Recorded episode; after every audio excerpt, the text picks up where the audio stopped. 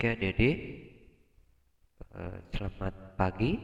Berjumpa lagi dengan Mr. Oke dalam pelajaran Agama Hindu kelas 7.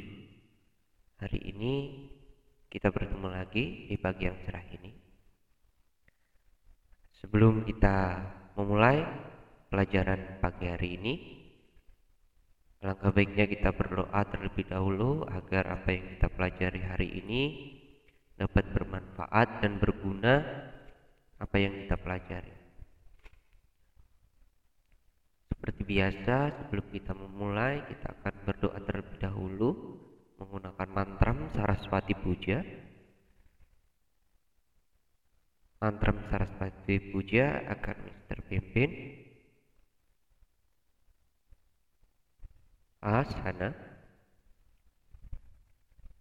Om prasada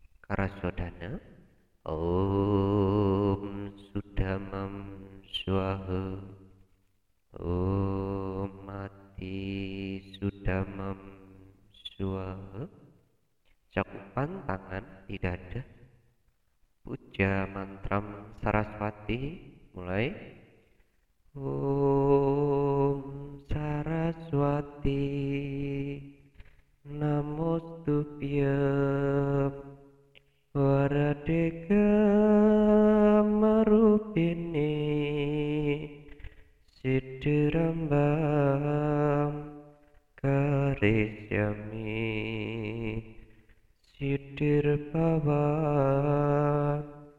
tumisadam Om Santi Santi Santi Om Selesai? Terima kasih adik-adik. Eh, jadi kalau walaupun kita belajarnya lewat listening, didengarkan seperti ini, eh, mohon dengan sangat dari awal sampai akhir diikuti arahannya, diikuti rekamannya, setiap doa diikuti, jangan di skip, jangan dipotong, agar adik-adik mengerti dan paham tentang apa itu pelajaran agama. Pelajaran agama bukan hanya belajar tentang yang ada di buku, tetapi bagaimana cara menghargai, belajar bagaimana cara menghormati, mengasihi, dan bagaimana cara berlaku bijaksana. Adik-adik yang saya cintai, minggu kemarin kita sudah belajar yaitu tentang apa sih yang di, terkandung dalam kitab suci Weda, nilai-nilai apa sih yang terkandung dalam kitab suci Weda. Sedikit akan Mister ulas kemarin kita nilai-nilai dalam universal dalam kitab suci Weda satu itu adalah pengorbanan, kebenaran, kasih sayang, kemurahan hati, sedekah, dunia dan masih banyak yaitu ada 37 nilai-nilai yang terkandung dalam kitab suci Weda. Nah, pada hari ini kita akan lanjut pembelajaran hari ini yaitu dengan belajar kodifikasi Weda. Apa sih itu kodifikasi Weda? Kodifikasi Weda atau pengelompokan. Jadi Weda itu dikelompokkan oleh eh, berapa maharsi dan dikelompokkan oleh pujangga-pujangga yang ada di pada zaman teknologi sekarang ini. Nah, kemudian eh, untuk pertama kali pengelompokan ajaran Weda itu diprakarsai oleh diprakarsai oleh yaitu begawan biasa atau yang disebut dengan begawan biasa atau juga bisa disebut dengan Krishna Dipayana. Jadi kitab suci Weda ini yang mengelompokkan atau yang menghimpun itu adalah begawan biasa atau yang disebut dengan Krishna Dwipayana. Nanti kalau ada soal, adik-adik, siapakah yang mengelompokkan Weda atau ajaran suci agama Hindu pertama kali? Itu jawabannya adalah begawan biasa atau Krishna Dwipayana. Ya, jika seorang siswa, maka cara atau melestarikan Weda itu dengan cara belajar. Seperti adik-adik e, ketika belajar dengan tekun, belajar dengan baik, maka adik-adik sudah melestarikan ajaran-ajaran Weda. Belajar setiap hari melaksanakan ajaran kitab suci Weda itu perlu. Jadi agar kita pintar Nah, oleh Begawan Manu dan kitab Manu Semerti atau di, di dalam kitab Manawa Dharma Sastra kitab suci kita itu diklarifikasi ada dua. Nah, ini ditegaskan lagi ada dua kelompok besar dalam kitab suci agama Hindu. Yang pertama yaitu Weda Seruti dan Weda Semerti. Kelompok Weda Seruti merupakan kitab yang hanya menuntut wahyu, sedangkan Semerti adalah kelompok-kelompok atau sifatnya penjelasan terhadap Weda Seruti. Nah, seperti kemarin sudah dijelaskan, kita akan jelaskan kembali biar adik-adik paham. Jadi Weda Sruti adalah weda yang berasal atau didapat dari wahyu Sang Yang Widi atau bisikan langsung dari Sang Yang Widi yang diperoleh melalui bisikan-bisikan dari Maharsi. Jadi Maharsi itu mendapatkan pawisi atau mendapatkan mendapatkan seruti atau mendapatkan pendengaran secara ilahi oleh Sang Yang Widi kemudian untuk menyusun Weda. Nah, namanya seruti. Seru itu adalah pendengaran. Jadi Weda yang didapat dari pendengaran atau dari wahyu Sang Yang Widi. Kemudian kalau Weda semerti, Weda semerti itu adalah Weda yang berasal dari pengelompokan atau penjelasan terhadap Weda Seruti kalau Weda Semerti. Nah, dalam Weda Seruti itu dikelompokkan menjadi tiga bagian antara lain sebagai berikut. Satu, itu mantra. Hmm. Mantra meliputi empat timbunan disebut catur samhita. Catur samhita itu seperti Rigveda, Samhita itu yaitu kumpulan atau mantra-mantra ajaran umum dalam bentuk pujaan. Kemudian sama Weda Samhita yaitu kumpulan mantra yang menuntut ajaran umum dalam bentuk lagu-lagu pujian. Yayurveda Samhita yaitu kumpulan mantra-mantra atau ajaran umum mengenai pokok-pokok Yayurveda. Yaitu kalau Ayurvedik Yayurveda itu menganut sistem kesehatan atau pengobatan-pengobatan herbal. Jadi pengobatan-pengobatan itu ada di Yayurvedik kemudian Atharva Weda Atarwa Weda ini merupakan suatu kelompok Weda yang menghimpun mantra-mantra yang memuat ajaran-ajaran yang bersifat magis. Nah, ajaran-ajaran yang bersifat magis ini sudah ada di zaman itu yaitu dalam kitab Atarwa Weda. Selanjutnya eh, yaitu dalam kelompok Weda Suruti ada Brahman, Brahmana atau Karma Kanda. Kitab Brahmana adalah himpunan buku-buku disebut Brahmana. Kitab Karma Kanda adalah bagian kitab Suruti. Kedua, tipe mantram Rigveda, Samaveda, Yajurveda, dan Atharvaveda berisi himpunan-himpunan doa dalam upacara yajnya. Nah, jadi semua pelajaran yang agama yang ada di Indonesia khususnya itu ajaran-ajarannya berasal dari catur weda itu mengenai yajnya upacara itu ada di ayurveda ada di catur weda maaf nah Brahmana ini ada kitab Brahmana ini ada dua.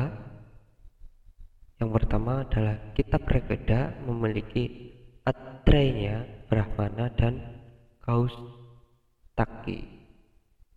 Nah, kemudian kitab Samaweda memiliki tatnya Brahmana yang dikenal dengan Pancawisma yang memuat legenda iatnya. Kemudian bagian Weda Sruti yang ketiga yaitu adalah Upanishad. Upanishad ini membahas tentang teori atau ketuhanan karena isinya bersifat sangat rahasia. Upanishad ini mengupas tentang ketuhanan tergolong dalam Rig Veda jadi Upanishad ini mengupas tentang Tuhan yang tak nampak, akhirnya nanti Tuhan yang nampak dan Tuhan yang sangat dekat dengan manusia. Di situ dikupas dalam Upanishad. Nah, dalam kelompok Weda Sruti tersebut ada tiga tadi. Yang paling banyak atau yang paling ada dalam keseharian kita itu ada di Saturweda Upanishad ada dan semuanya ada. Nah selanjutnya yaitu kitab suci Weda yang tergolong Weda Semerti Weda Semerti juga disebut dengan Dharma Sastra. Secara garis besar, Weda Semerti dapat digolongkan menjadi dua kelompok, yaitu kelompok Wedanga dan kelompok Upaweda. Kelompok Wedanga ini terdiri dari Wedanga ini memuat tentang uh, ilmu alam. Ilmu alam. Seperti siksa itu petunjuk tentang mengu mengucapkan intonasi atau mantra itu siksa. Siksa kemudian wiakarana wiakarana isinya tentang tata bahasa. Ya jadi siksa ini siksa adalah bagaimana ketika kita mem membaca kitab suci membaca pegawai kita misalkan itu ada tanda-tanda baca. Nah tanda-tanda baca intonasi entah itu konsonan entah itu vokal itu ada di dalam tatanan siksa mantra. Nah kemudian yang kedua itu wiyakarana wiyakarana isinya tentang tata bahasa atau membentuk pengertian atau menghayati Weda Sruti. Jadi Wiyakarana ini adalah bagaimana menata bahasa ajaran menata bahasa agar dapat menghayati Weda Sruti. Karena Weda Sruti sangatlah susah dipelajari jika tidak mengetahui wiyakarana, tidak menghayati kata per kata dari Weda tersebut, bacaan tersebut. nah, yang ketiga adalah canda. Canda ini isinya tentang lagu-lagu atau pujian. Jadi eh, canda ini berkaitan dengan lagu atau pujian berkaitan dengan dharma kita. Di Hindu pun sudah ada, yaitu canda. Kemudian nirukta. Nirukta isinya berbagai tafsiran otentik tentang kata-kata terdapat dalam Veda. Nah, tafsiran ini seperti pengertian kata-kata dari Weda. Jadi ketika kita belajar nirukta, kita akan bisa membaca kata-kata yang terdapat dalam kitab suci Weda. Kemudian eh, kelompok kemudian Jyotisa. Jyotisa ini pokok-pokok ajarannya mengenai tentang astronomi Astronomi apa? Astronomi adalah ilmu yang mempelajari tentang jagat raya atau alam ini. Astronomi yang diperlukan dalam melakukan yatnya. Contohnya, e, contoh dari geotisa itu adalah misalkan kita mau membuat rumah ketika membuat rumah itu dalam ilmu geotisa itu harus sesuai waktu. Waktunya kapan hari baiknya kapan. Nah ketika membuat rumah itu tidak boleh pas ada hari raya agama Hindu. Itu tidak diperbolehkan. Karena dalam geotisa mengatur astronomi antara Buano Agung dan Buano Ale. Di situ kaitannya nanti. Kemudian kalpa. Kalpa ini isinya tentang antara lain tata cara melakukan niatnya. Penebusan dosa, upacara keagamaan, kematian, tata hidup, bermasyarakat, bernegara, dan melaksanakan niatnya bagi yang telah berumah tangga. Nah, Kalpa ini adalah aturan atau tata cara bagaimana kita melakukan niatnya, melakukan upacara kematian itu ada di pelajaran atau di kalpa. Nah, untuk mengetahui kalpa itu contohnya seperti eh, membuat membuat rumah tadi itu berkaitan dengan kalpa. Terus upacara keamaan. Upacara keamaan misalkan ada pecaruan. Itu harus pakai caru berumbun yang uripnya di tengah. 33 nah seperti itu. Itu ada di aturan kalpa. Kemudian tadi itu ada enam kelompok Wedangga sekarang kelompok Upaweda. Nah kelompok Upaweda ini terdiri dari cabang ilmu seperti dua bagian besar yaitu intihasa. Yang pertama satu adalah intihasa. Intihasa adalah ekspos intihasa di dalam kelompok menjadi dua bagian. Nah di dalam intihasa ada dua kelompok. Yang pertama adalah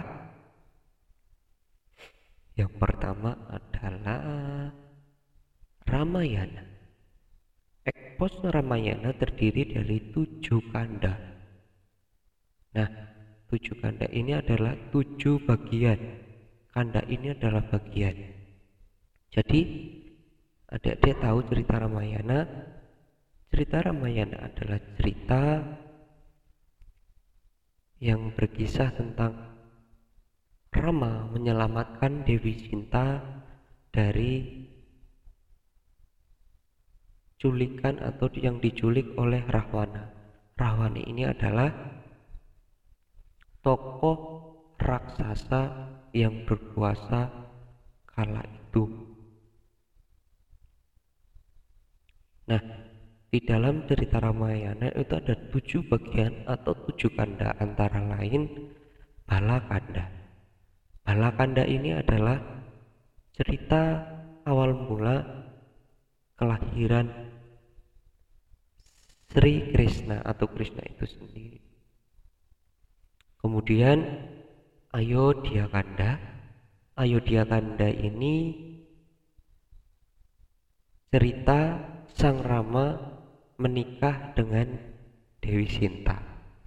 Diceritakan masih panjang ceritanya. Kemudian setelah menikah si Sinta dan si Laksmana dan Rama pergi ke hutan yaitu ada di Aranyaka Kanda. Aranyaka itu adalah hutan. Aranyaka Kanda. Nah, kemudian begitu di hutan bertemu dengan pasukan kera yang disebut dengan Kiskindakanda. Di situ nanti ketemu Sugriwa, Subali, ketemu dengan Hanoman itu ada di Kiskindakanda. Kemudian yang E itu adalah Sundarakanda. Sundarakanda ini pertemuan atau apa Sundara Kade ini ceritanya tentang membuat jembatan untuk menyeberangi Alengka karena negara yang negara rawan itu namanya Aleng. Itu ada di Sundara Kanda kemudian Yuda Yuda Kanda ini Yuda Kanda ini adalah pertempuran antara Rama dengan Rahwana dan akhirnya dimenangkan oleh Rama. Nah, yang terakhir, bagian terakhir itu adalah Utara Kanda. Utara Kanda ini adalah cerita itu sudah selesai, kemudian diceritakan lagi oleh anaknya Rama yang namanya Kusa dan Lawa.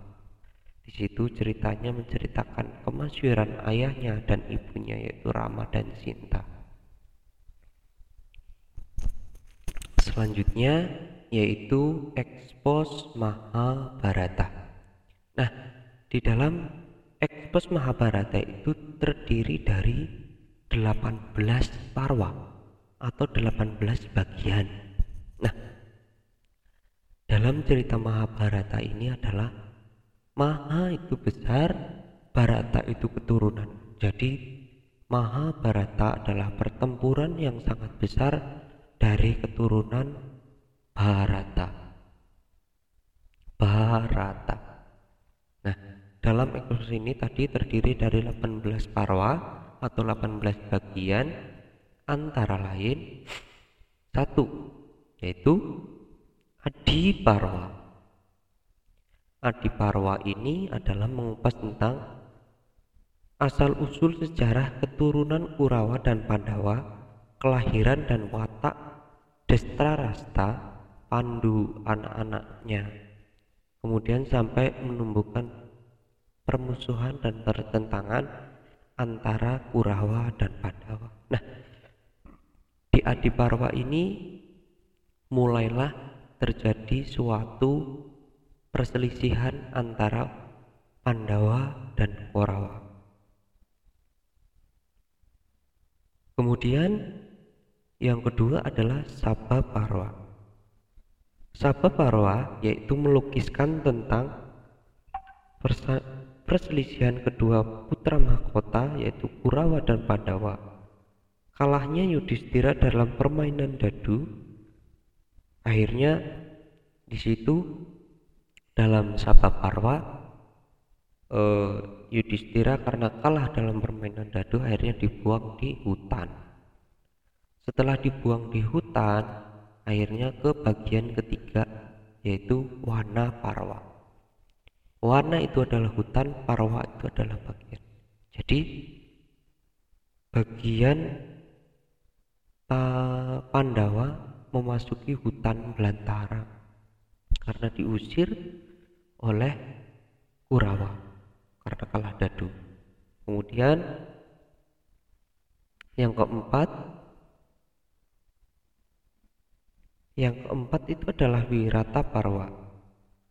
Jadi dalam Wirata Parwa ini mengisahkan kehidupan Pandawa dalam menyamar selama satu tahun di negeri Wirata yaitu tahun ke-13 nah jadi Pandawa itu menyamar di Wirata Parwa itu tahun terakhir menyamar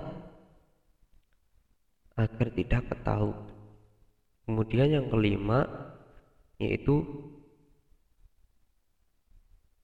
ud yoga parwa, ud yoga parwa. Ud, ud yoga parwa. Nah, ud yoga parwa ini adalah mengisahkan tentang perpisahan Kurawa dan Pandawa untuk menghadapi perang besar di padang Kurusetra. Nah, ini akan terjadi perang besar yaitu di padang Kurusetra nantinya. Di sini sudah dibahas bagaimana akan terjadi perang, itu sudah dibahas. Kemudian Bisma Parwa yaitu bagian ke-6 Bisma Parwa. Bisma Parwa ini mengisahkan tentang bala tentara Kurawa di bawah pimpinan Maespati Bisma. Nah, ketika pertempuran, ketika pertempuran mau bermulai, itu terjadi perselisihan, terjadi kebingungan bahwa Bisma berada di pihak Kurawa. Kemudian Drona Parwa Drona Parwa ini mengisahkan tentang pertempuran strategis atau trik yang digunakan oleh bala tentara Kurawa dipimpin oleh Maespati Durna atau Begawan Durna untuk melawan bala tentara Pandawa. Pandawa ini di pihak baik, kemudian Kurawa ini di pihak jahat. Kemudian karena Parwa. Dalam karena Parwa ini yang di delapan itu karena Parwa yaitu menceritakan tentang perang di antara Medan Kurusetra ketika karena menjadi Maespati bala tentara Kurawa gugur di tangan Arjuna. Kemudian Salya Parwa yaitu menceritakan tentang Salya sebagai Maespati bala tentara Kurawa yang ber yang berhak memimpin pertempuran di bagian Drona Duryudana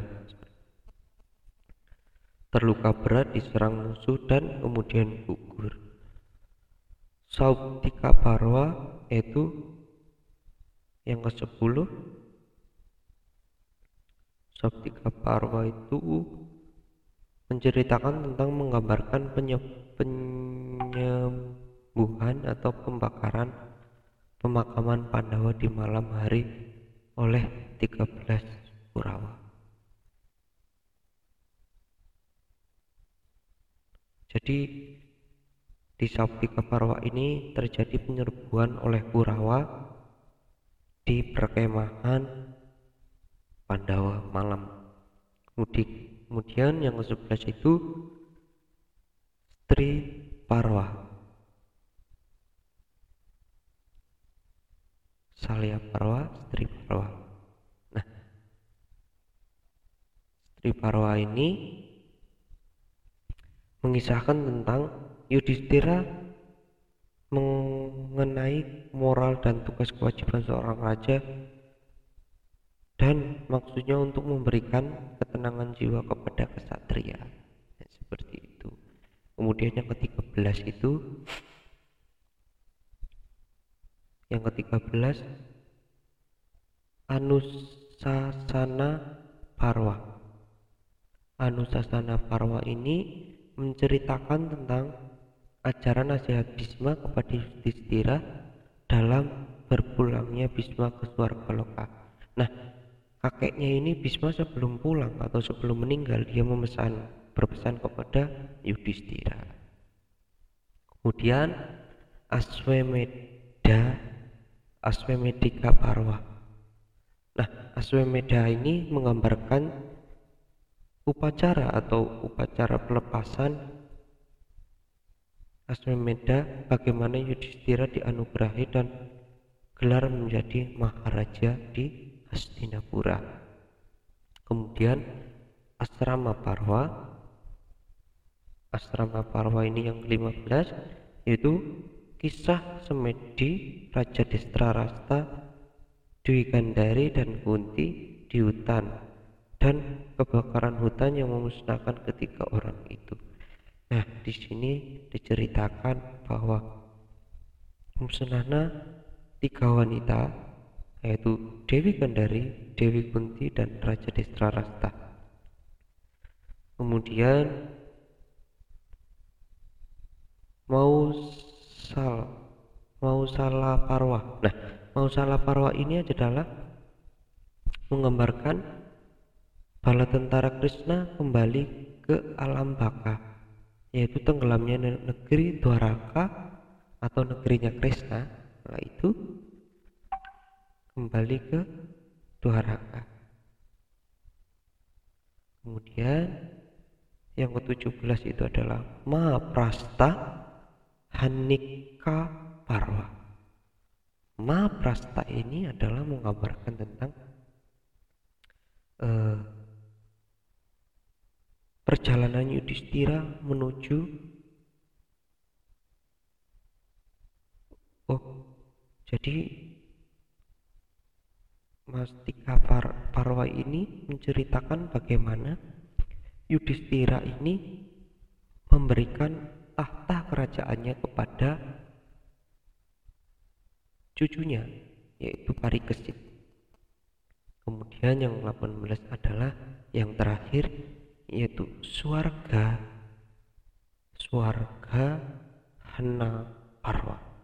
Suarga Hana Parwa ini adalah menceritakan bagaimana Pandawa Yudhistira Bima Arjuna Nakula Sadewa itu sampai di pintu gerbang surga dan diuji coba diuji terakhir dan harus dihadapi Yudhistira sebelum ia memasuki surga. Nah itu cerita 18 tadi dari apa? Oh, bagian dari upaweda. Jadi bagian dari upaweda itu tadi ada dua yaitu Ramayana Mahabharata. Nah di dalam Ramayana ada ingat-ingat di dalam Ramayana ada tujuh ganda. Kemudian di dalam Mahabharata ada 18 parwa. Harus diingat besok akan keluar materi di ulangan. Dipelajari bukunya. Sekian pelajaran hari ini. Kurang dan lebihnya Mister mohon maaf apabila ada kata-kata yang salah mohon dimaklumi jadi apa yang kita pelajari hari ini semoga bermanfaat dan berguna. Adik-adik dapat memetik hasilnya dari pelajaran hari ini bahwa pelajaran dari cerita Mahabharata itu tadi mengisahkan bagaimana perjalanan hidup. Sekian dari Mr. Oke. Saya Harry dengan doa Mas Santi Om Santi Santi Santi. Om. Sampai berjumpa lagi minggu depan di jam yang sama dan ruang yang sama. Terima kasih